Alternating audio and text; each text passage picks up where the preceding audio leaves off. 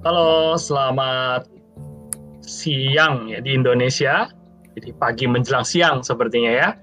Dan saya dan Mas Tindio mengucapkan selamat malam mungkin dari Amerika ya, begitu. Dan selamat siang Bu Jess. Senang kita semua bisa bertemu di sini. Dan pada hari ini topik yang akan menjadi bahan diskusi kami yaitu tentang mujizat. Nah, tentunya uh, pemirsa sekalian, uh, pemirsa teologi sekalian tahu bahwa belakangan ini bukan hanya masalah corona yang cukup panas ya, membuat situasi menjadi panas, tapi saya rasa juga topik mengenai mujizat ini juga cukup panas ya, begitu. Jadi sampai-sampai isu-isu corona ini juga cukup terbelah ya dengan adanya isu mujizat ini, begitu. Nah karena itu pada hari ini kita akan sama-sama mendiskusikan satu topik yang namanya haruskah saya percaya mujizat. Nah, tapi bagi saya yang menarik dari diskusi ini juga, sering kali kalau kita bilang tentang percakapan tentang mujizat, nah biasanya kebanyakan pembicara ataupun pemantik diskusinya itu biasanya didominasi oleh kaum laki-laki, begitu ya. Wah, ini kan. Nah, kali ini pembicara kita sangat spesial Siapakah dia? Ibu Jessica. Nah, gitu ya. Kita akan membahas sama-sama mujizat uh, secara teologis, menjawab pertanyaan itu dan pemantiknya akan dibawakan oleh Ibu Jessica. Nah, tanpa bermaksud untuk memperpanjang-panjang lagi, saya langsung berikan waktunya kepada Bu Jessica untuk membawakan diskusi. Silakan Bu. Ya, terima kasih Bung Yosia uh, dan juga pemirsa sekalian. Hari ini kita akan bahas mengenai mujizat ya. Nah, judulnya saya sengaja pilih haruskah saya percaya mujizat. Nah, mungkin bisa minta tolong ini PDF-nya ditampilkan. Nah, kalau misalkan kita berbicara mengenai mujizat itu sebenarnya ada dua pertanyaan yang menjadi apa namanya diskusi biasanya, yaitu secara ontologis dan juga secara epistemologis ya. Secara ontologis itu uh, pertanyaannya itu adalah apa sih mukjizat itu? Definisi dari mukjizat itu apa sih sebenarnya? Dan kemudian pertanyaan yang kedua yang sering kali dibicarakan adalah apakah kalau saya mempercayai mukjizat itu saya masih uh, diperhitungkan sebagai orang rasional kalau saya percaya mukjizat? Atau secara simpelnya uh, bisa nggak sih saya percaya mujizat? Bahkan harus nggak sih saya itu percaya mujizat? Nah antara ontological question dan epistemological question itu uh, selalu uh, apa ya? Selalu bolak-balik bolak-balik ke situ lagi. Habis menanyakan what is miracle, kemudian nanya apakah rasional untuk percaya miracle, kemudian lah memangnya mujizat itu apa? Nah jadi pertanyaan itu saling apa ya berhubungan dan bolak-balik ke situ semua antara ontological, epistemological, balik lagi ontological, kemudian balik lagi ke epistemological. Nah, di sini saya mau membahas satu tokoh dulu yaitu seorang filsuf yang rasanya kalau membahas mujizat itu nggak mungkin nggak membahas seorang filsuf ini yang namanya adalah David Hume. David Hume ini adalah seorang filsuf yang uh, muncul pada abad yang ke-17 ya tepatnya saat Enlightenment itu uh, dimulai gitu ya. Uh, jadi David Hume ini memiliki filsafat alirannya skeptisism dan juga empiricism. Kalau kita belajar filsafat maka tentu saja kita tahu bahwa empiricism dan skeptisism ini hampir tidak mungkin dan memang nggak mungkin untuk mempercayai hal-hal yang di luar uh, pengalaman yang seragam begitu. Nah, David Hume ini uh, secara khusus membahas mengenai mujizat dalam uh, buku-bukunya ya. Di sini saya akan mengambil satu tulisannya yang berjudul Of Miracle tahun 1784. Dia mendefinisikan ya secara ontologis berarti ya what is miracle?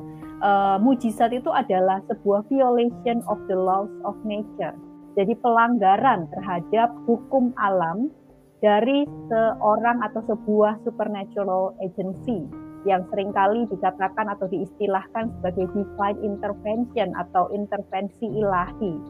Nah, menurut David Hume sendiri dalam zamannya pada saat itu, dia mendefinisikan laws of nature itu based on our consistent experience. Jadi dia mengatakan bahwa sebenarnya law, law of nature itu harus based on evidence, yaitu apa yang kita alami sehari-hari, apa yang kita sudah perhatikan sehari-hari itulah laws of nature. Kita harus kembali bahwa memang David Hume itu uh, lahir dan hidup di zaman itu ya abad ke-17 di mana di situ belum ada fisika modern. Nah, nanti akan saya jelaskan lebih lanjut. Nah, kemudian uh, David Hume ini saya tambahkan satu kritik ya terhadap uh, miracle yaitu tentang problem of evil. Jadi kalau misalkan Tuhan itu atau supernatural agency itu uh, bisa untuk violate the laws of nature atau melanggar hukum alam, kenapa dia tidak mencegah ya semua hal-hal yang terjadi misalkan seperti bencana alam ya ataupun kejahatan-kejahatan yang terjadi khususnya natural evil seperti itu. Nah, memang David Hume ini sendiri tidak membahas secara khusus mengenai problem of evil dengan miracle, tapi dia sempat menulis juga tentang problem of evil. Dia tidak menerima uh, alasan divine mystery ya sebagai alasan terjadinya evil di dalam dunia ini. Dan dia kemudian kalau disambungkan dengan pemikirannya tentang mujizat, maka kalau memang Tuhan itu mengadakan mujizat, ya harusnya tidak terjadi problem of evil seperti itu. Nah, kemudian ini ada satu kutipan dari David Hume ya, dari karyanya An Inquiry Concerning Human Understanding ya. Nah, ini sebenarnya mirip dengan apa yang sudah saya jelaskan bahwa miracle itu adalah atau mujizat itu adalah pelanggaran terhadap hukum alam. Istilahnya Hume ini tidak memandang bahwa uh, evidence atau bukti-bukti itu cukup uh, untuk membuktikan bahwa miracle atau mukjizat itu benar-benar terjadi. Itu sangat tidak cukup bukti. Makanya di sini dia menolak adanya mukjizat itu. Nah, kemudian setelah membahas David Hume, kita akan membahas sedikit tentang fisika klasik ya fisika klasik itu mempercayai bahwa alam semesta itu adalah closed system uh, dan juga adalah universe atau alam semesta yang sifatnya deterministik. Uh, apa itu closed system? Artinya alam semesta ini diatur oleh dirinya sendiri secara internal, tidak ada uh, kekuatan atau pihak eksternal yang mempengaruhi jalannya dunia ini. Jadi sebetulnya alam semesta itu sudah memiliki sistem sendiri dan sistem itu berjalan sesuai dengan uh, keseragamannya itu ya. Jadi itu sudah deterministik, nggak mungkin tuh kayak ada intervensi-intervensi yang lain. Nah tentunya dalam pengertian fisika yang seperti ini, uh, pengertian Hume tadi tentu saja sepadan ya, sehingga miracle atau mukjizat itu kayaknya tidak mungkin untuk terjadi. Nah, sekarang kita masuk ke teologi. Bagaimana tanggapan teologi ya terhadap mukjizat dan juga pandangan-pandangan yang tadi saya jelaskan. Setidaknya ada dua pandangan besar yang akan saya bahas pada hari ini. Mungkin ada pandangan lain, tapi uh, saya hanya berfokus kepada dua. Dua-duanya ini sama-sama berpandangan bahwa Tuhan itu tidak mungkin violate the law of nature atau tidak mungkin melanggar hukum alam. Nah, tetapi uh, walaupun dua-duanya percaya Tuhan tidak mungkin melanggar hukum alam, tetapi dasar dari kepercayaan itu berbeda. Untuk pandangan yang pertama, uh, mereka berkata bahwa Tuhan itu kan maha kuasa ya, dia bisa melakukan apa pun yang dia kehendaki tanpa ia violate the law of nature. Nah, istilah yang pertama ini adalah secara historis mukjizat itu pasti terjadi, pernah terjadi begitu. Tapi terjadinya mukjizat itu tidak melanggar hukum alam.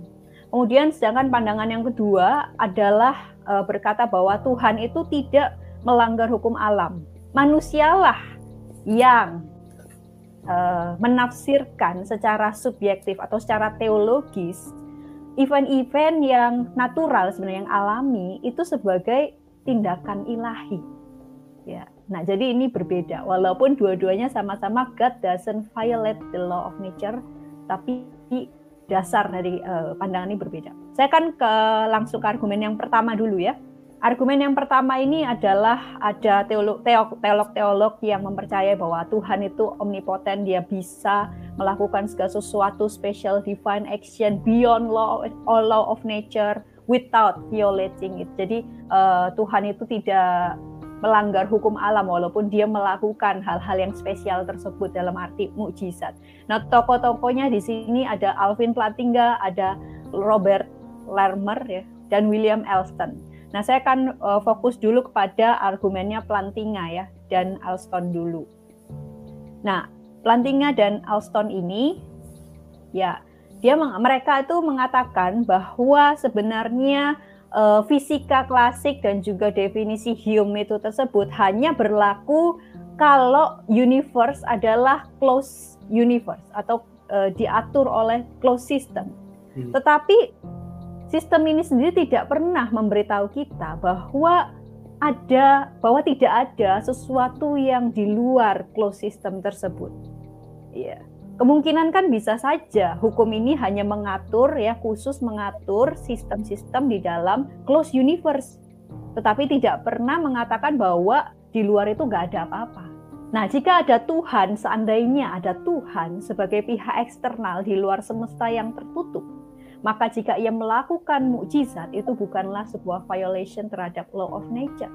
Karena dia, Tuhan ini ada di luar konteks law of nature yang hanya bekerja di dalam closed system.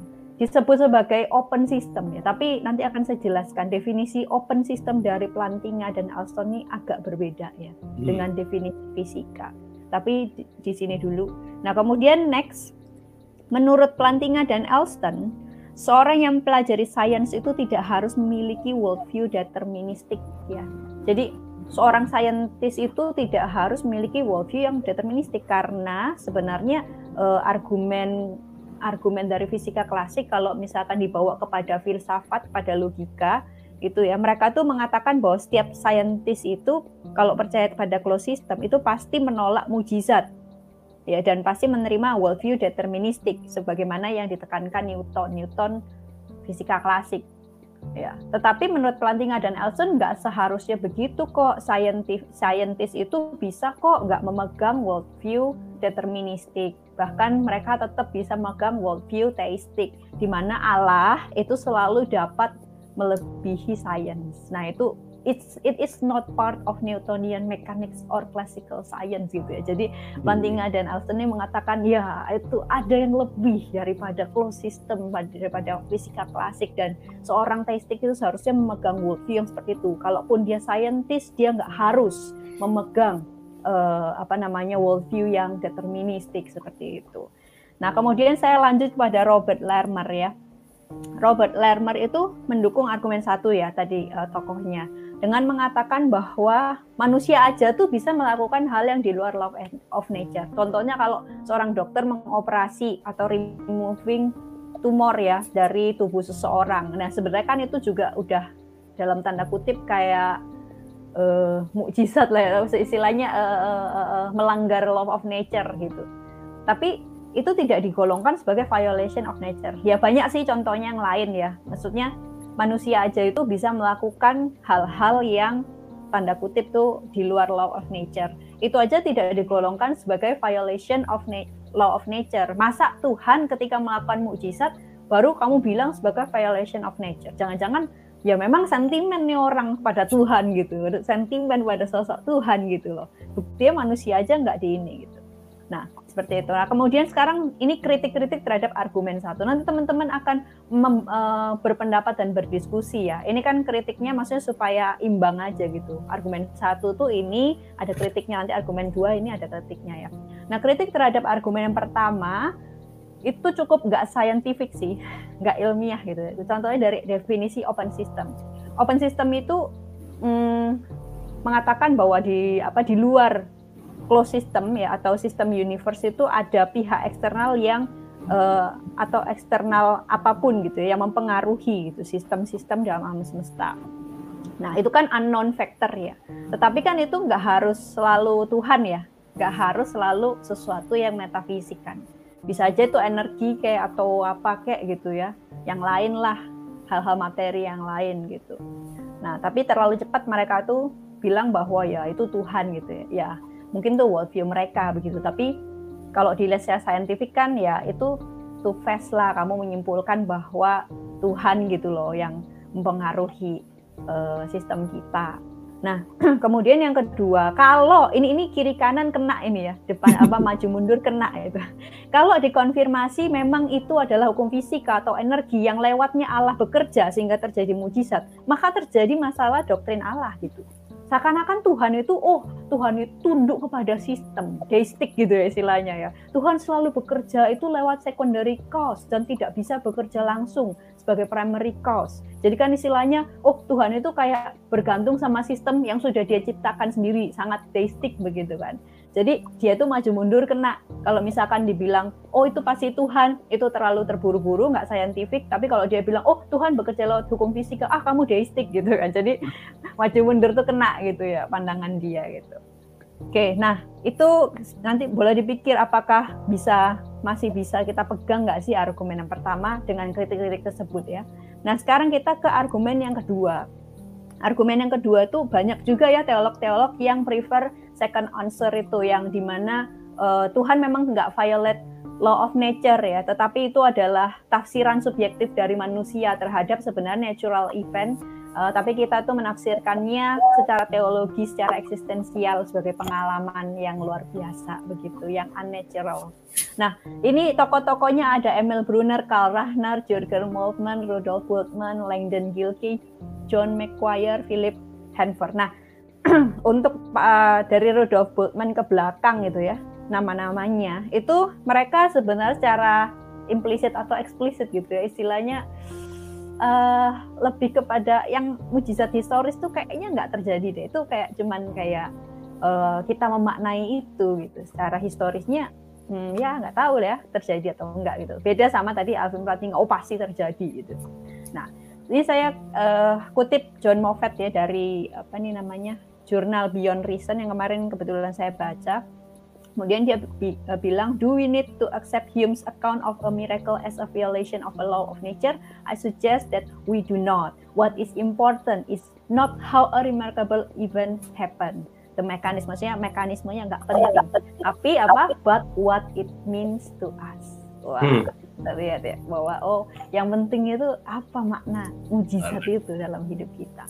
Nah, secara khusus saya akan membahas dua tokoh ya di sini yaitu Karl Rahner dan Jürgen Moltmann.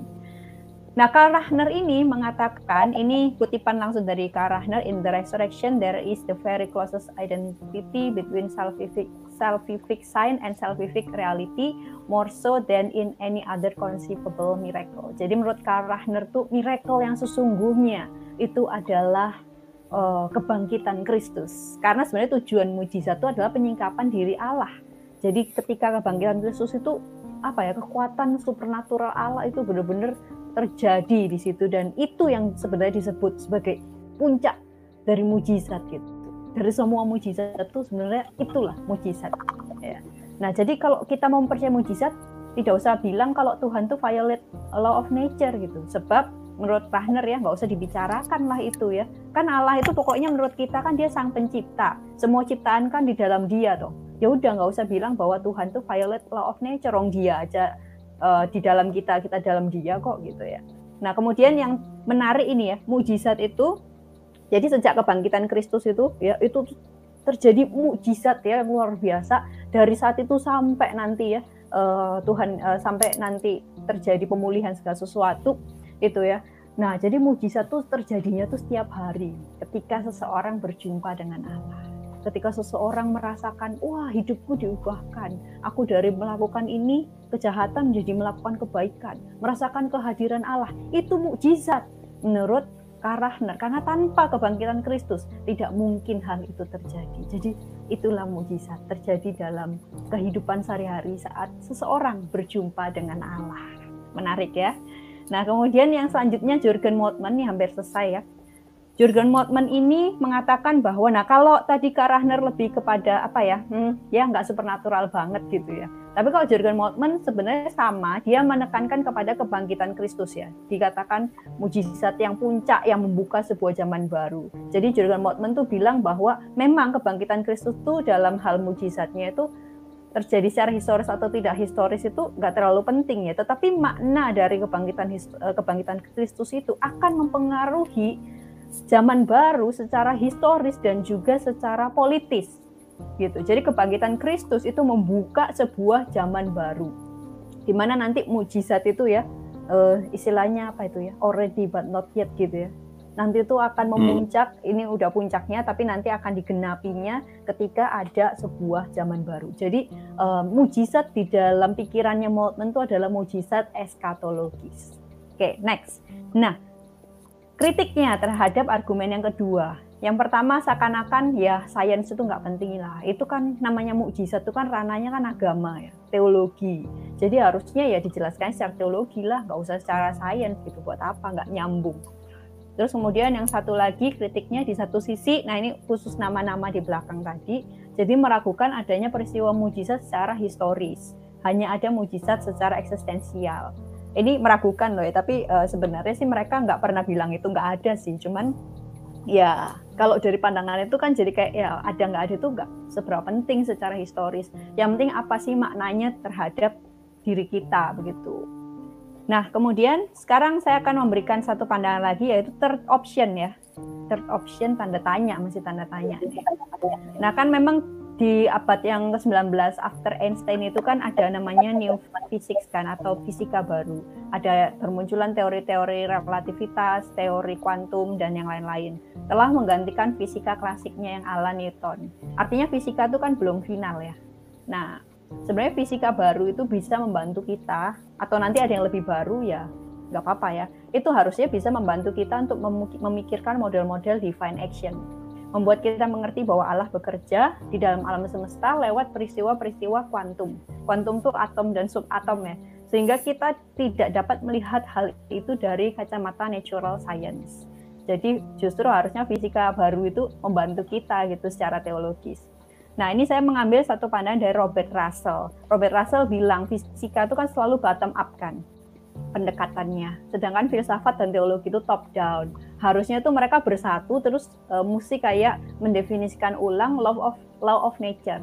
Walaupun Russell sendiri itu uh, secara fisika dia ikut fisika baru ya, tapi secara teologisnya dia ikut Jurgen Moltmann tadi ya kak mirip ya, mendefinisikan kebangkitan Kristus sebagai first instantiation of the new ini saya kurang of the new law of nature dan menurut dia itu sama sekali gak bertentangan dengan fisika baru.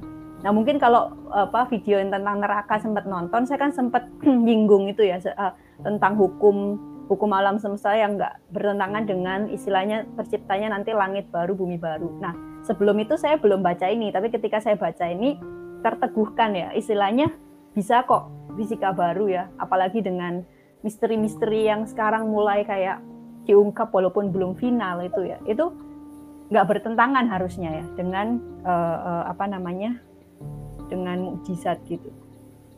Dengan law of nature sorry. Nah kemudian lanjut. Sekarang untuk menjawab pertanyaannya adalah harus nggak haruskah saya percaya mukjizat ya nah ini saya kutip dari Russell. Kalau Tuhan aja bisa menciptakan sebuah sistem yang baru ya uh, new kind of order of nature gitu kan dan juga fisika baru yang saat ini terbaru juga tidak falsify this gitu ya ya itu berarti ini tadi pertanyaan epistemological ya. Then it seems reasonable to think that the prediction of physics also do not need to make miraculous divine action in the past such as in New Testament time soalnya dia lebih percaya ke kebangkitan Kristus ya saya nggak tahu mungkin teman-teman nanti bisa melengkapi apakah Moltmann tuh atau Rahner itu bahas mujizat di PL ya. Tapi setahu saya tuh benar-benar cuman fokusnya ke kebangkitan Kristus doang gitu. In or in the present day impossible.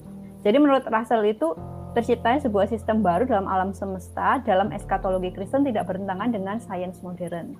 Oleh sebab itu seharusnya mujizat tidak ditolak, baik mujizat di masa lalu yang PB tadi ataupun di masa kini. Ya, kemudian lanjut lagi satu lagi ini dari seorang teolog Jean Pierre Fortin ya, Pierre Fortin ya. Uh, itu dari jurnalnya Christ Reason Wonder Arising, A Christian Theology of Miracles. Nah, menurut dia, I venture that for Christian to argue for the possibility and reality of a miracle is an inevitable duty. Ya. Jadi istilah kalau Tuhan aja nggak bisa memanifestasikan dirinya di dalam dunia ini, di mana dia aja menciptakan dunia ini, dia juga ada di dalam dunia ini, dunia ini juga ada dalam dia, dia juga imanen, kemudian dia mencintai kita, dia menebus kita. Ya, masa sih kita nggak percaya mujizat itu? Sebagai orang Kristen, menurut Fortin kita harus inevitable duty ya, harus percaya mujizat. Tapi kan kembali lagi nih, kembali lagi definisi mujizatnya apa, kan begitu kan. Itu. Tapi kalau sebagai orang Kristen tuh harus percaya mujizat. Mau definisimu apa, mau yang nomor satu, mau yang nomor dua, mau historis, mau eksistensialis, harus percaya mujizat. Kemudian yang terakhir, Hume sendiri ya, Hume sendiri loh ini, Hume yang seorang skeptis loh. Dia mengatakan, the Christian religion not only was at first attended with miracles, but even at this day cannot be believed by any reasonable person without Tuhan. Jadi miracles itu sebuah atau mujizat itu adalah sebuah hal yang penting dalam agama Kristen. Hume aja nih yang seorang skeptis juga mengakui seperti itu ya kan. Tapi kenapa kok kita yang orang Kristen menolak mujizat. Apakah mungkin definisinya saja yang berbeda atau seperti hmm. apa? Nah, nanti silakan teman-teman yang menanggapi. Ya, sampai situ saja. Ya, terima kasih. terima kasih untuk presentasinya. Mencerahkan ya, menarik. uh, mungkin Thank you. Ya, uh, mungkin dari Mas ada tanggapan?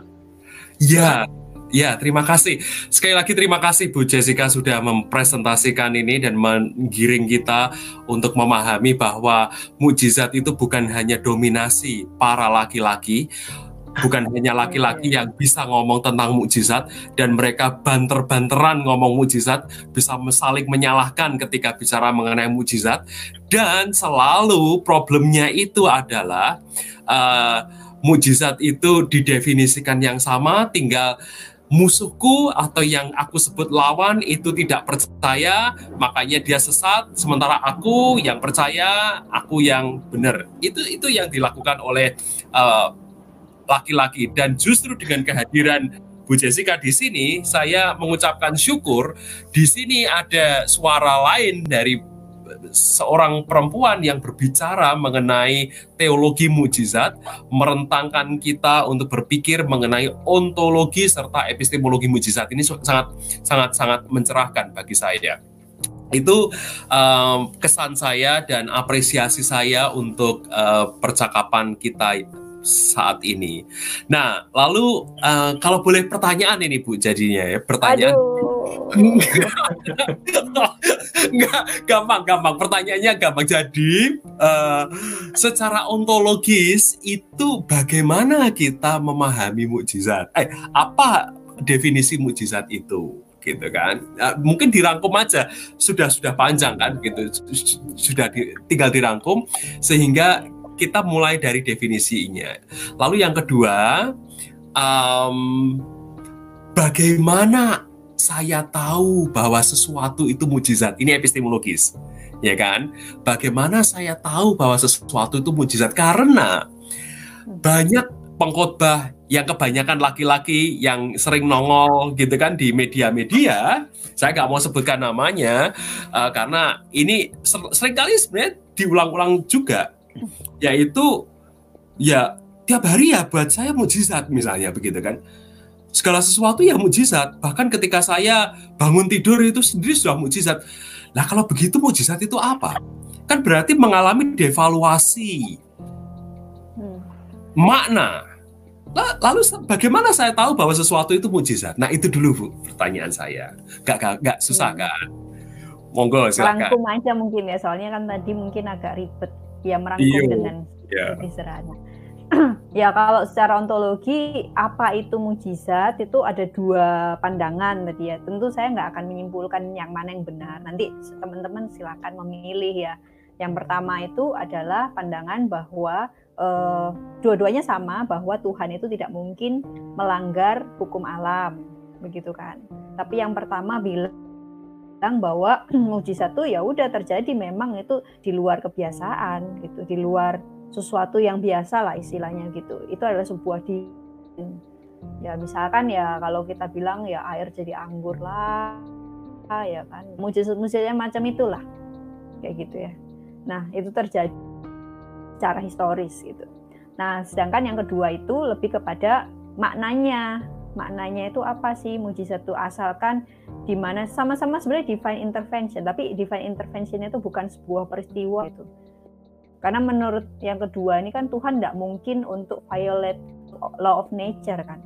Jadi istilahnya peristiwa yang simpel pun seperti tadi Bung Ninjo bilang, oh bangun pagi itu sudah apa mujizat gitu ya. Nah itu kan tergantung bagaimana kita memaknainya. Tapi kalau bergantung pada teolog-teolog ya, seperti Karl Rahner dan Jurgen Moltmann itu kan sebenarnya kan inti dari mujizat itu kebangkitan Kristus kan. Nah jadi kalau misalkan pengalaman-pengalaman itu e, berkaca atau bercermin kepada mujizat kebangkitan Kristus gitu. Jadi kita bisa gitu memaknai itu sebagai mujizat sebenarnya. Nah, apakah mengalami situasi atau tidak itu kan sebetulnya tergantung dari diri kita sendiri ya. Maksudnya tergantung dari definisi kita tadi. Apakah orang berjumpa dengan Tuhan itu sebuah hal yang biasa? Itu kan kita yang kita yang judge sendiri kan. Allah bangun pagi aja kok mengucap syukur mujizat apa sih? Tapi kan kita nggak tahu bahwa kalau kita berkaca pada kebangkitan Kristus, ya kan, maka perjumpaan kita dengan Tuhan itu sudah bisa termasuk sebuah mujizat. Kita yang terpisah dari Allah, ya, kita yang terpisah dari Allah, kita yang berdosa, kita berjumpa dengan Allah. Itu sudah sebuah mujizat. Itu sih. Hmm. Tadi yang kedua, Pak, udah terjawab juga ya, kayaknya yang kedua ya. Ya, bagaimana saya tahu sesuatu itu nah, mujizat? Tergantung. Hmm tergantung bagaimana kita memaknainya. Kalau memang yang kedua perjumpaan dengan Allah, misalkan kita lagi naik motor atau lagi naik mobil gitu ya, terus tiba-tiba Tuhan menyapa ya kan dalam suara hati kita atau misalkan dalam keheningan Tuhan berbicara atau kita tersadar akan perbuatan kita yang buruk kemudian kita tiba-tiba merenungkan kebangkitan Kristus ya itu udah mujizat ya. Itu menurut pandangan yang kedua tapi kalau menurut pandangan pertama ya harus yang itu ya, yang itu katanya yang lumpuh berjalan gitu kan. Hmm. tentu itu masing-masing orang punya definisi gitu. Menarik. Tapi saya masih tergelitik satu lagi nih Bu. Apa iya. yang saya dengar, mohon uh, klarifikasinya. Apa yang saya dengar, kalau begitu mukjizat itu kan kalau memang yang namanya terserah tadi, itu kan berarti lebih eksistensial kalau begitu. Jadi tergantung saya memaknainya kayak apa. Tergantung saya mengartikan mujizat itu kayak apa. Begitu. Sehingga uh, bisa saja definisi kita berempat ini berbeda mengenai mujizat. Nah, nah terus problemnya adalah kalau begitu uh, uh, ada ontologi mujizat itu atau enggak? Kalau memang akhirnya terserahnya kepada pada masing-masing pribadi. Itu yang pertama. Lalu yang kedua, jika menurut argumentasi yang kedua tadi, menurut maknanya, apakah memang ada satu event yang menjadi aksis begitu dan semua peristiwa-peristiwa mukjizat itu uh, berada menyekitari event yang menjadi aksis. Contoh misalnya tadi yang dikatakan uh, Bujes Runner dan Moltmann misalnya mereka melihat bahwa kebangkitan Kristus itu adalah mukjizat yang sejati. Nah, maka kalau ada mukjizat-mukjizat itu maka semuanya itu menyekitari uh, berputar uh, mengelilingi satu mukjizat yang besar ini. Nah, bagaimana Bu? Klarifikasi saja ini. Hmm. Hmm, hmm. Jadi yang pertanyaan pertama apakah ada ontologinya ya tetap ada. Uh, hmm. Yang pertama itu kan jelas ada ya kalau pandangan pertama ya. Mm-hmm. Yang ontologinya adalah peristiwa supernatural, so, divine intervention yang dalam ranah historis ya, yang memang benar-benar terjadi lah, yang kayak di Alkitab terjadi itulah ya. Nah kalau yang kedua, apakah itu hanya eksistensial saja? Apakah tidak ada ininya ya? Itu sebenarnya berhubungan dengan pertanyaan kedua itu ya, peristiwa khusus terus yang ini yang lain mengelilingi. Ya menurut saya ada yaitu ya kebangkitan Kristus itu, kebangkitan Kristus. Jadi kita nggak dikit-dikit semua dibilang mujizat. Oh, aku dapat duit nih tiba-tiba jadi kaya gila mujizat banget lah. Apa ya maksudnya?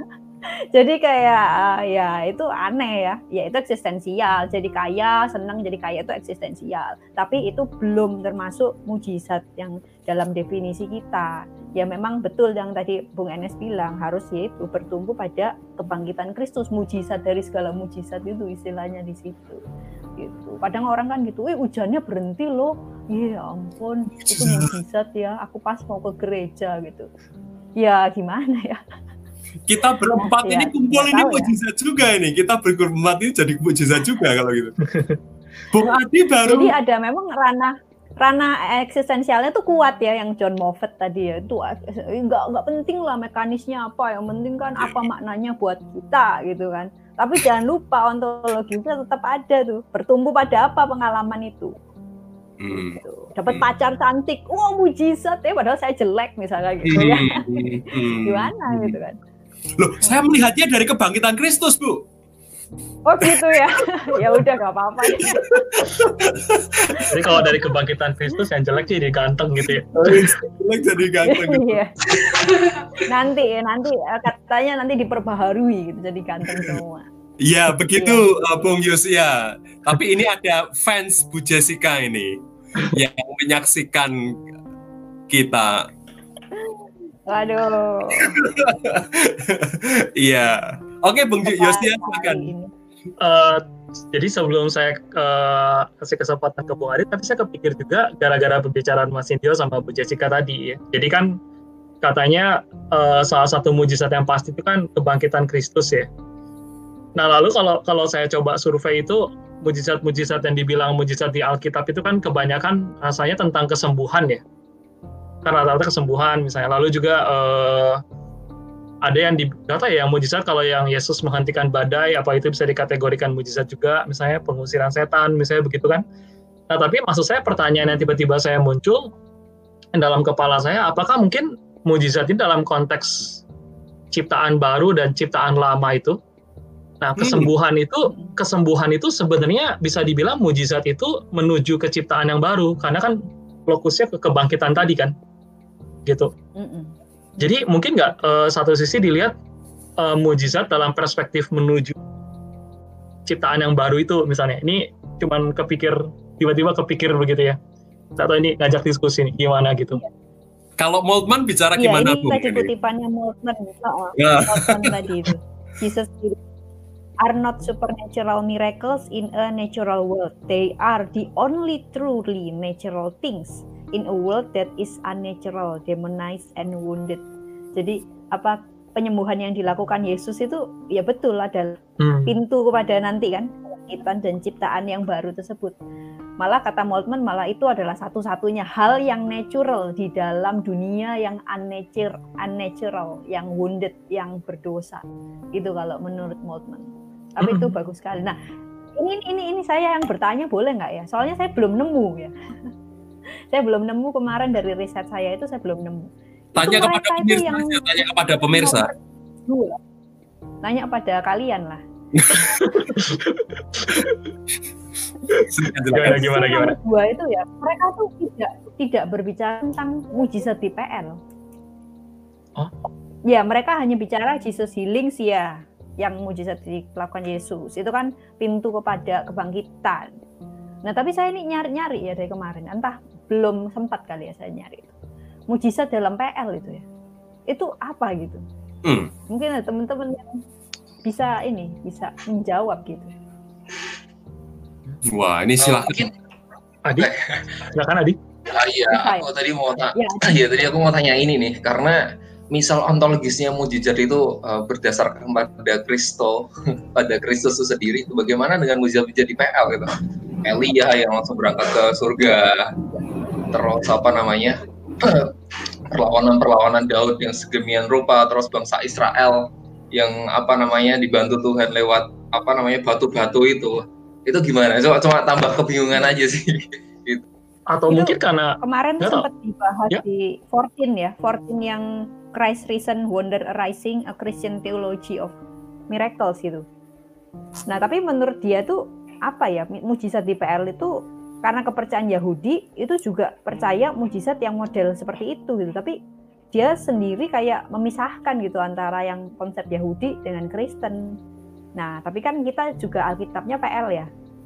Apakah kita harus memisahkan konteksnya bangsa Israel sebagai umat pilihan Allah dengan bangsa Israel yang adalah umat pilih eh, dengan konsep kita sebagai umat pilihan gitu yang setelah Yesus datang gitu. Nah itu hmm. mungkin bisa menjadi bahan riset juga ya bagaimana dengan itu. Apakah memang terpisah atau memang seperti ini? Seperti apa namanya seperti Yosia tadi bilang kan kayak proses yang terus menerus menuju ke puncaknya gitu. Iya betul. Itu juga nggak tahu. Yosia mau bicara nih, silakan. Iya. ya ini kalau mungkin nggak sebenarnya saya jadi kepikir juga mungkin salah satu cara melihatnya karena kata ini ya semea ya. Rasanya kata-kata yang berhubungan sama miracle kan dalam bahasa Inggris mujizat itu kan dalam bahasa Yunani semea itu ya tanda ya. Nah, rasa-rasanya kalau bilang semea itu tapi ini saya belum ngecek mendalam ya. Tapi biasanya kalau orang kan berpikir semea itu kan lebih ke tanda-tanda yang Yesus lakukan kan begitu Nah mungkin nggak gara-gara ini jadi kebanyakan pembahasannya menuju ke Yesus. Tapi ini mungkin satu hipotesis saja kan, bisa jadi salah juga. Mungkin saya kepikir salah satunya ke sana juga mungkin sih. Hmm, hmm, hmm. Uh, uh, kemungkinan. Menarik. Menarik. Tapi kita akan coba lihat uh, komen-komen dari rekan-rekan ini uh, apa yang mereka tanyakan. Kalau saya mengaitkan dengan Marx dan Feuerbach, uh, Bung William, menulis, bukankah kepercayaan pada mujizat hanya opium bagi orang beriman untuk lari dari kenyataan hidup? Hmm. Kalau si Moltmann bilang, Moltmann, Moltmann bilang bahwa kita itu manusia di dalam kondisi yang seperti sekarang ini itu manusia kan membutuhkan harapan kan makanya kan judul teologi Moltmann kan theology of hope ya nah di dalam pengharapan itu kan harus ada satu apa sih yang kamu harapkan? Apa apa yang membuat kamu berharap? Apa yang apa yang menjadi tonggak di mana kamu berharap? Itu kebangkitan Kristus yang disebut sebagai Moltmann sebagai apa tadi namanya? Uh, mujizat dari mujizat. dalam mujizat begitu ya. Nah, kalau kepercayaan pada mujizat hanya opium bagi orang beriman untuk lari dari kenyataan hidup, gimana ya? Itu kan mungkin pandangannya mirip dengan si Hume tadi kali ya. Ya kalau memang nggak merasa butuh mujizat ya nggak masalah. Tapi kan kalau tadi dikatakan haruskah kita percaya mujizat, dibilang kalau kamu Kristen ya emang harus gitu. Ya Mar sama Feuerbach kan bukan Kristen. Hmm, hmm, kan hmm, hmm. jelas dong dia berpandangan begitu kan ya wajar aja. Tapi yang menarik bagi saya justru di sini kalau kita melihat Marx, uh, dia masih tetap bicara mengenai adanya pengharapan utopia, utopis, begitu kan? Ada sesuatu hmm. yang berada di di di, di masa depan, begitu. Dan itulah yang worth struggling for. Karena itu makanya uh, perjuangan kelas itu menjadi penting karena akan ada sebuah kemenangan bahasa kekristenan itu juga masuk ke sana. Yang menarik Bu, yes, Bu Jessica memakai uh, Jürgen Moltmann yang memang buku yang pertama yaitu uh, teologi pengharapan, uh, teologi der Hoffnung itu sendiri dipengaruhi oleh Ernest Bloch yang hmm. menulis Principle of Hope, prinsip-prinsip kebenaran dan uh, Bloch adalah seorang Marxis. Begitu. Jadi di sini di sini kalau kita tetap melihat adanya sebuah uh, kesejajaran antara mukjizat dengan pengharapan itu tetap ada karena itu menurut saya adanya kebangkitan di masa depan itu yang dibaca oleh kemudian Moltmann misalnya berdasarkan pembacaan dia dan apropriasinya uh, terhadap Ernest Bloch. Uh, ya itulah utopia orang Kristen itulah pokok pengharapan yang dimiliki oleh orang Kristen. Dan itu terjadi di dalam sejarah itu bukan ahistoris. Begitu. Nah Marx dan Feuerbach memang sangat-sangat kritikal terhadap agama. Menurut saya uh, itu itu sebagai agama sebagai institusi, gitu kan, lebih terhadap agama sebagai institusi yang karena konservatismenya, ortodoksinya yang yang yang yang yang uh, memberikan impian-impian untuk ketenangan masa Nah, itulah yang disebut opium. Itu bagi saya. Rekan-rekan bisa uh, menambahkan lagi. Jadi lebih ke arah ini ya, maksudnya lebih ke arah yang imanen tadi ya, gitu ya. Hmm. Nah, tapi kalau dari penjelasannya Bu Jess tadi, saya pikir mungkin problemnya ini kan ketika dibilang mujizat itu kan, terutama dalam konteks yang sistem yang terbuka itu ya, kan ada kesan campur tangan dari yang ilahi itu kan, masuk ke dalam sistem yang natural itu begitu. Nah kalau kalau tadi saya kepikir yang dari Mas Dindio bicarakan itu, saya tadi pertamanya kepikirnya oh mungkin sama-sama mujizat juga termnya dalam arti butuh kekuatan butuh kekuatan dari luar sistem untuk ya bermain di sini kan. Nah cuman kalau dalam konteksnya Marx jadinya ke bukan yang ke supranatural tapi lebih ke yang material begitu toh kelihatannya. Tapi saya berpikir juga kalau memang mau dipadankan dengan yang mujizat ini tetap kan gak ada pengakuan terhadap yang supranatural itu kali ya. Nah, jadi akhirnya bergantung kepada kita mendefinisikan yang supranaturalnya apa ya dalam konteks Marx kali ya. Yes, kalau yes. yang mas, yang mas itu ya. Termasuk juga kalau kita bicara mengenai supranaturalnya versi Moltmann, dia kan tidak bicara mengenai supranatural yang sebenarnya ada di atas. Makanya di buku yang kedua dia bicara hmm. mengenai the crucified God, hmm, gitu kan? Hmm, hmm, logis, logis. Nah, gitu iya betul, kan? betul, betul. Iya kan? Uh, makanya bagi bagi Moltmann buku yang pertamanya dia itu kan uh, teologi itu pusatnya di satu histori yaitu hmm. bangkitan Kristus begitu kan dan semuanya itu mengarah ke sana begitu. Oh iya betul tetap kebangkitan yeah. ya itu kan iya. fakta yeah. yang nggak bisa di itu betul. Dan yang kedua, buku yang kedua, ketika kita bicara mengenai mengenai, mengenai uh, Allah itu bukan Allah yang ahistoris. Allah kita justru lihat pada penyataan Allah itu paling jelas itu pada salib justru begitu. Hmm. Gitu kan God forsakenness Allah Bapa yang yang mengalami derita begitu kan. Bahwa penderitaan juga ada di dalam Allah. Allah memeluk penderitaan itu. Antara Bapa dengan anak juga sama-sama kehilangannya, mengalami kehilangan gitu. Hmm. Nah, itu. Tapi ini ada banyak komentar ini, seru ini Oh ya? Oh, tadi aku mau nanggapi yang terakhir tuh. Silakan. um, ini mungkin sama kayak yang dibilang sama ini Atan Malaka ya, karena dia juga mengutip Mark juga. Jadi ada yang namanya logika mistik tuh. Bagaimana mungkin yang roh itu bisa menciptakan sesuatu yang material gitu. Jadi uh, dia bayangkan ketika Yesus beri makan 5000 orang, itu kan uh, pakai kata-kata bisa menciptakan sebuah yang material, padahal roh sama material adalah yang berbeda gitu. Dan uh, di titik ini apa namanya uh, mukjizat menurut Mark dan Feitbach itu adalah suatu hal yang tadi dibicarakan adalah supra natural bukan yang material gitu. Tapi sudah dijelaskan juga tadi kalau uh, di Kristen nggak uh, melulu soal supra apa supranatural dengan hmm. natural gitu. Apalagi uh, juga mau tentang eskatologi tadi. Cukup hmm. itu. Ya terima kasih. Terima kasih. Terima kasih di Iya. Pertanyaan yang lainnya Mas mungkin? Ah, oke, okay. ini dari Bung Theodorus Calvin ini. Dari tadi kita bicara mengenai violet law of nature. Law of nature yang mana yang dimaksud ya? Saya masih belum paham dengan hmm. saya belum paham saya. Law saya of nature paham dari saya. definisinya Hume. Hmm. Uh, dari Hume, Hume tadi yaitu dari Hume uh, Gode, ya dari Hume dan juga nanti diteruskan di fisika klasik gitu.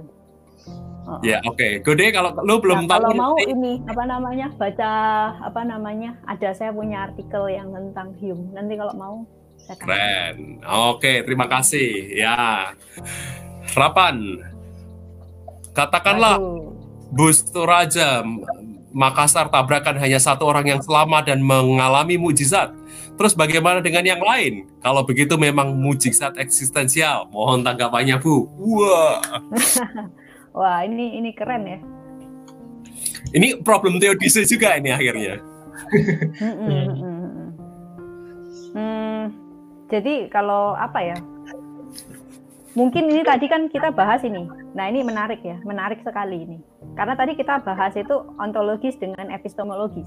Tapi kan biasanya kan kalau di filsafat ada satu ranah lagi ya, yaitu ranah aksiologis ya, atau ranah etika. Ini masuk ke ranah etika ini. Hmm. Masuk ke hmm. ranah etika. Secara ontologis dan epistemologis bisa disebut mujizat nggak? Ya bisa aja. Menurut tadi yang kita jelaskan ya, bisa hmm. dong. Ya kan? Okay. Tetapi secara secara uh, etis, secara aksiologis, apakah dapat kita mengatakan kita bersaksi di gereja bahwa saya mengalami mujizat yang lain mati yang saya doang yang hidup? Itu masuk ke ranah aksiologis. Itu berarti butuh satu sesi lagi untuk bicara mengenai ya, aspek ya, ya. aksiologis, aksiologis.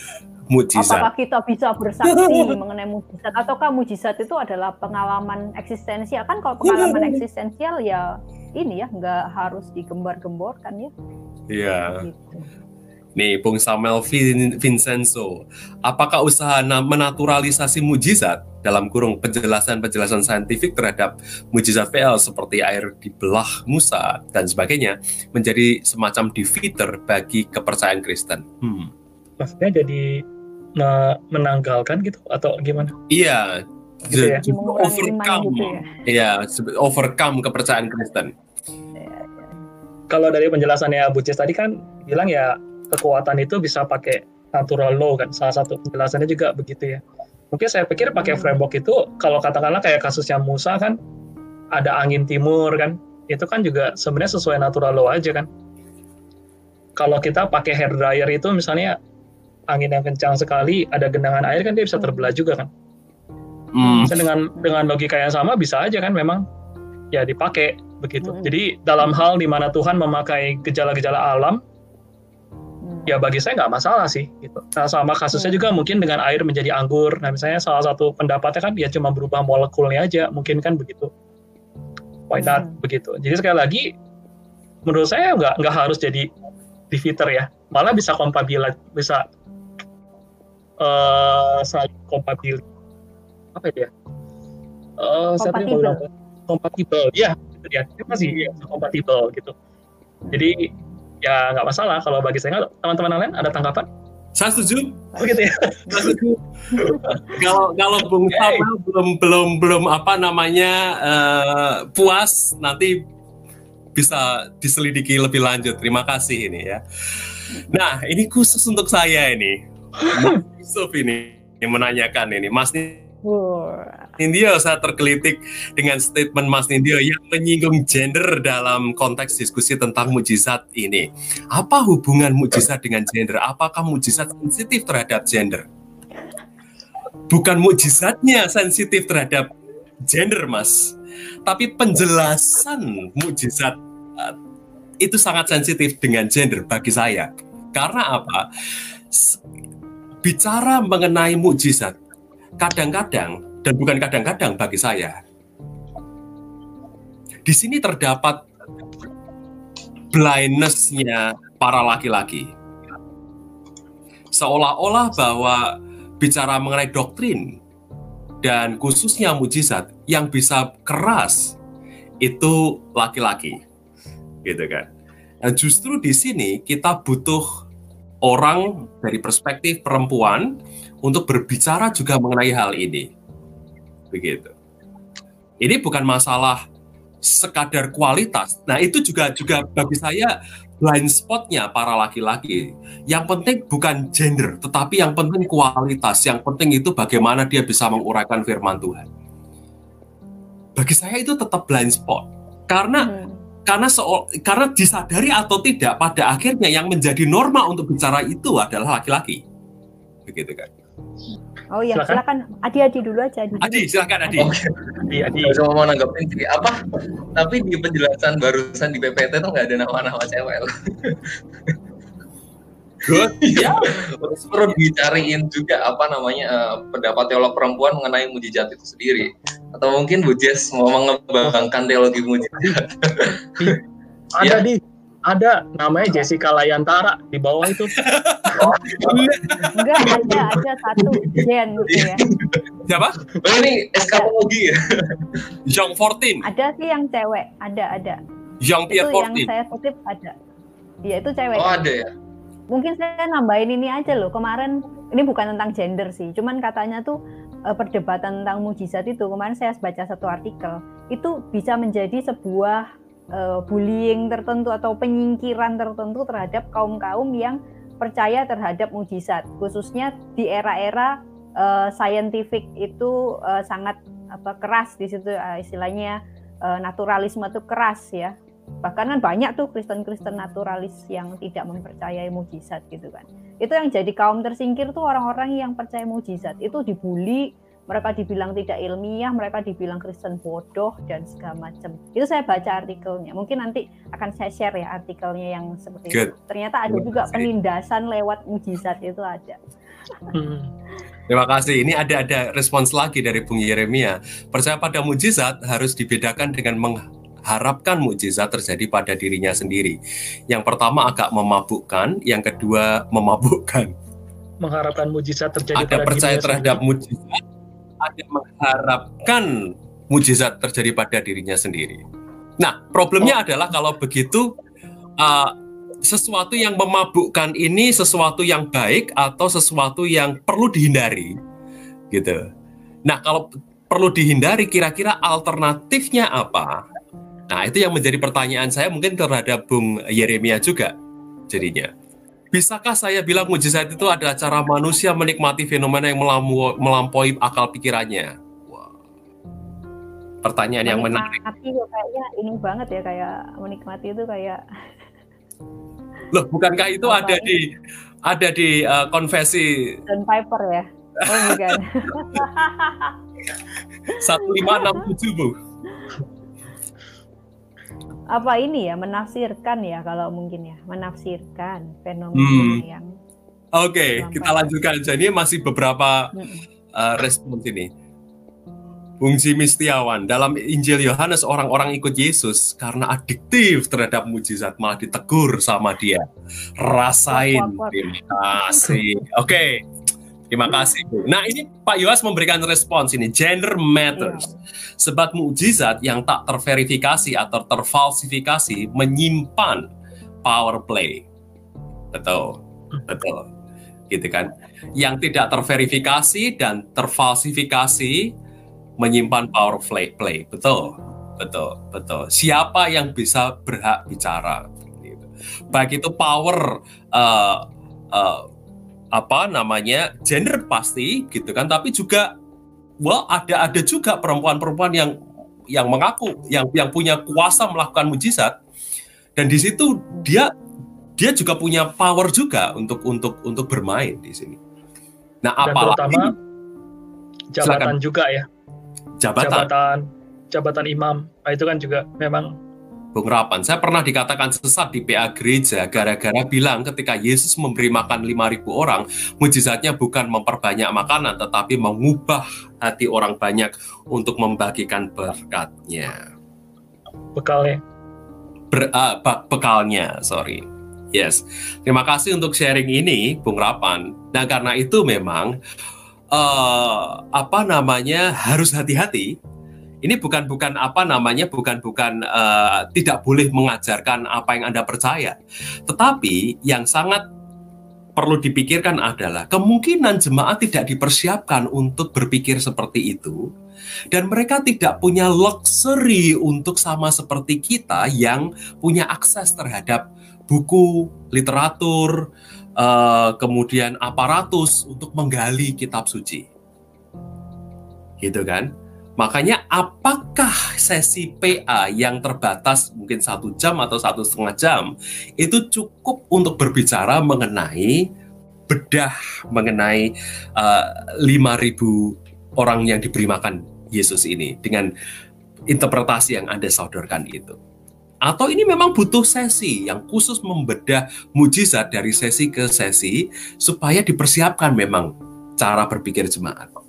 Sekali lagi di sini justru yang harus dipikirkan adalah mereka tidak punya kemewahan seperti kita untuk bisa langsung punya akses. Bung Darwis, Shalom, saya setuju soal mujizat untuk pendapat dua, tiga seterusnya. Tanya, sejauh mana mujizat itu menjadi otoritas manusia tanpa otoritas Allah? Nah ini Bu Jess ini. Iya, tadi kalau melihat kan tujuan dari mujizat itu kan menyingkapkan diri Allah ya. Nah jelas itu sepenuhnya adalah otoritas Allah sih. Otoritas Allah. Hmm. Gitu. Mungkin medannya atau mungkin kalau merujuk kepada yang pernyataan nomor satu, ya mungkin bisa lewat entah ya ini kembali kepada tadi PL tadi ya karena kan kalau misalkan kita merujuk kepada mujizat PP itu Yesus yang melakukan otoritasnya ya otoritas Yesus gitu kan Yesus sebagai Allah dan manusia begitu.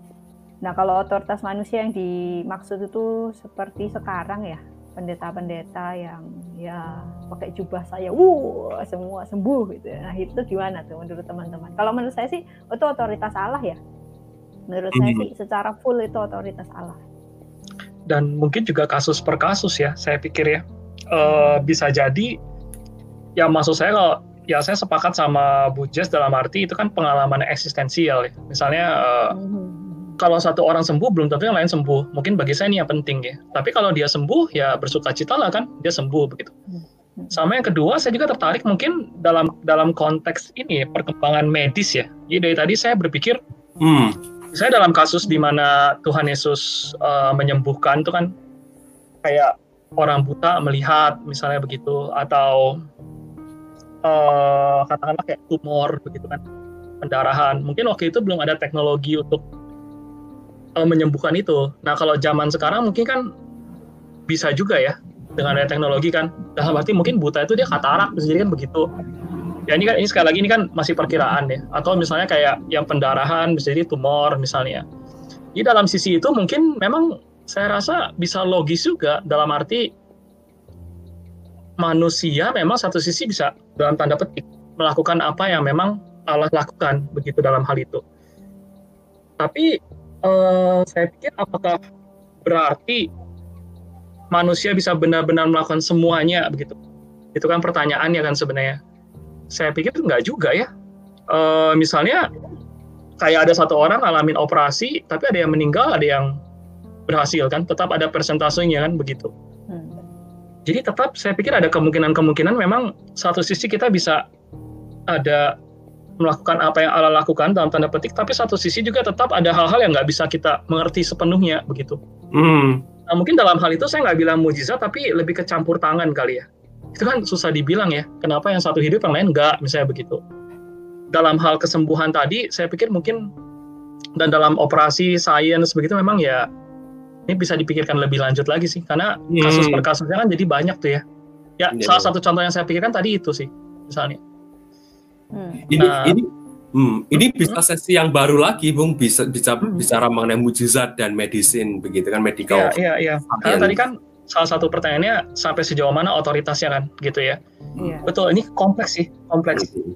Betul. atau justru masuk ranah ini ya aksiologis lagi karena kan sebenarnya mujizat ya seperti yang tadi dikatakan si Robert siapa tuh tadi itu uh, yang salah satu yang saya kutip di PPT itu kan mm-hmm. PPT-nya itu bilang bahwa apa removing the tumor itu kan itu kan mm. juga manusia Larmer tadi kan. mm-hmm. tapi kenapa betul, betul. apa di, nggak dibilang sebagai mujizat sih kalau menurut yang pertama itu mm. ya kan mm. tapi kan sebetulnya maupun mau pandangan pertama maupun pandangan kedua itu sebenarnya sama-sama ke divine intervention sih ah, iya, iya walaupun iya, betul, yang kedua betul. itu lebih ke ranahnya uh, eksistensial kan.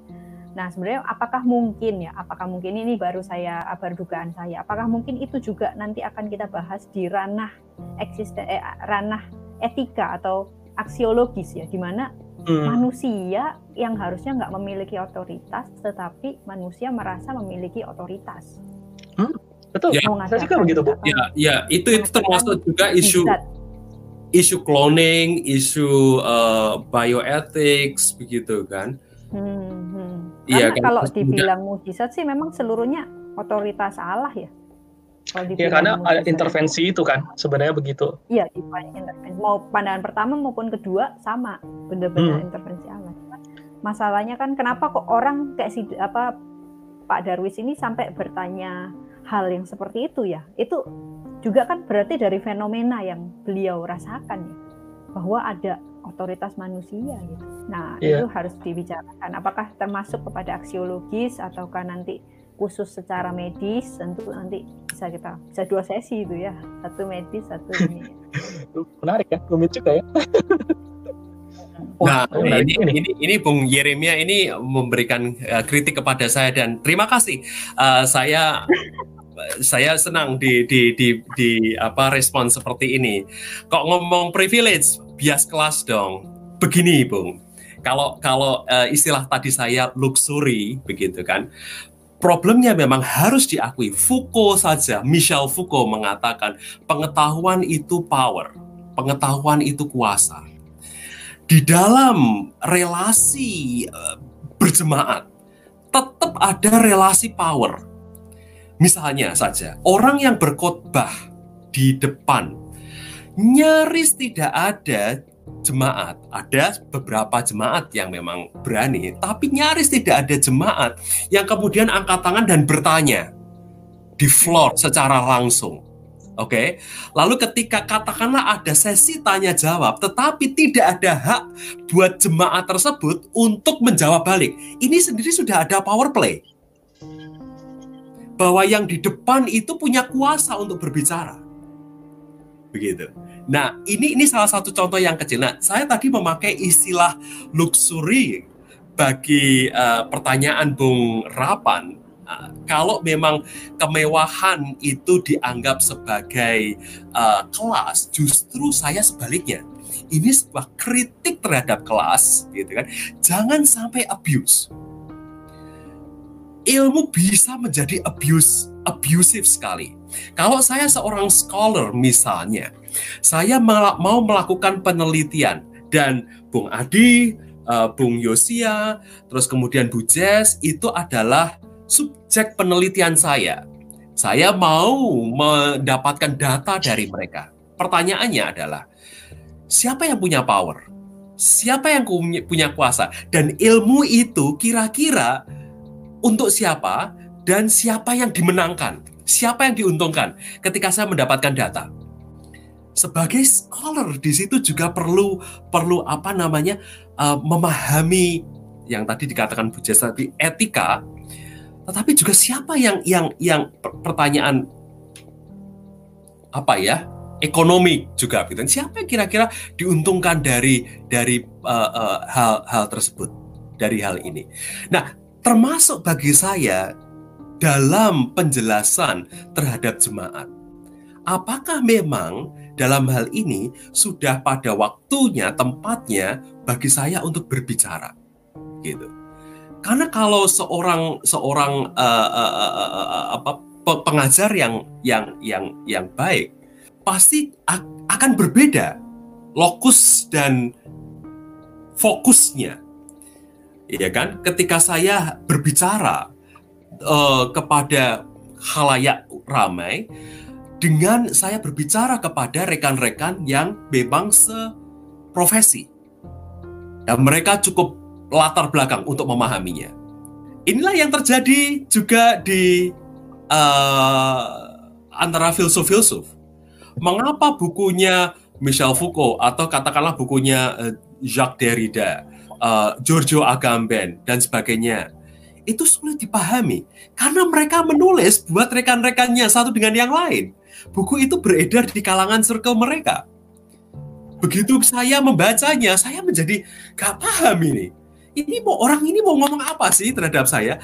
Kalau di, mereka harus ngomong pada saya, ya mereka harus bisa menyesuaikan dengan level saya yang sangat awam dengan percakapan yang terjadi di uh, Ecole Normale Superior, superior misalnya, ya di Paris itu di, di circle mereka atau di Sorbonne.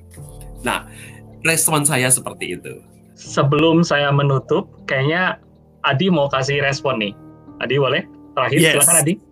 Uh, sebenarnya bukan respon yang tadi, tapi lebih ke respon Pak Darwis karena ini pertanyaan yang sangat-sangat mengganggu ya. Uh, apakah yang ditanyakan oleh Pak Darwis ini ada kaitannya dengan konsep anugerah itu ya? Anugerah bisa direspon apa enggak itu? Cuma uh, mikir itu karena uh, kalau kita lihat Matius 9 itu ayat 21 itu asalku jamah saja jubahnya aku akan sembuh itu. Wah itu otoritasnya kan di mana? itu otoritasnya itu ada di ini, ada di perempuan ini gitu, bukan bukan ada di di Yesusnya gitu. Dan apa ya? Iya ini cukup mengganggu ya. Apakah ada kaitannya dengan konsep anugerah yang bisa direspon manusia? Hmm. Dan saya juga berpikir bahwa uh, ada beberapa kejadian yang bisa dianggap sebagai anugerah atau tidak itu juga tergantung respon dari manusianya mau menganggap itu mujizat apa enggak gitu.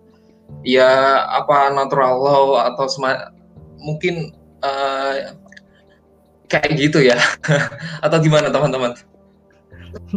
Wah tapi justru bagus ini jadi di sini kan membuktikan bahwa dari hasil presentasi Bu Jess, kita semua jadi punya banyak pertanyaan ya, begitu kan?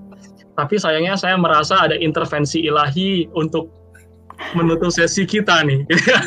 Sudah satu jam ya. Satu jam ya. Iya, tapi di sini kan jadinya menarik ya bahwa seperti yang biasa kita selalu coba lakukan dari teologi ini, minimal dari kita sendiri kan mulai berpikir dan kita punya banyak pertanyaan ya dan mulai meluas tuh ya kajiannya begitu. Wah ini kayaknya kalau dibuka sesi berikutnya ini menarik juga. Dan juga saya yakin pemirsa di rumah, pemirsa teologi juga mulai bertanya-tanya kan. Tadi mulai ada yang tercelik sisi spiritualitas gitu. Dan sekali lagi dari diskusi ini, ya saya rasa kita cukup berhasil lah ya. Membuat kita bertanya-tanya kan begitu kan.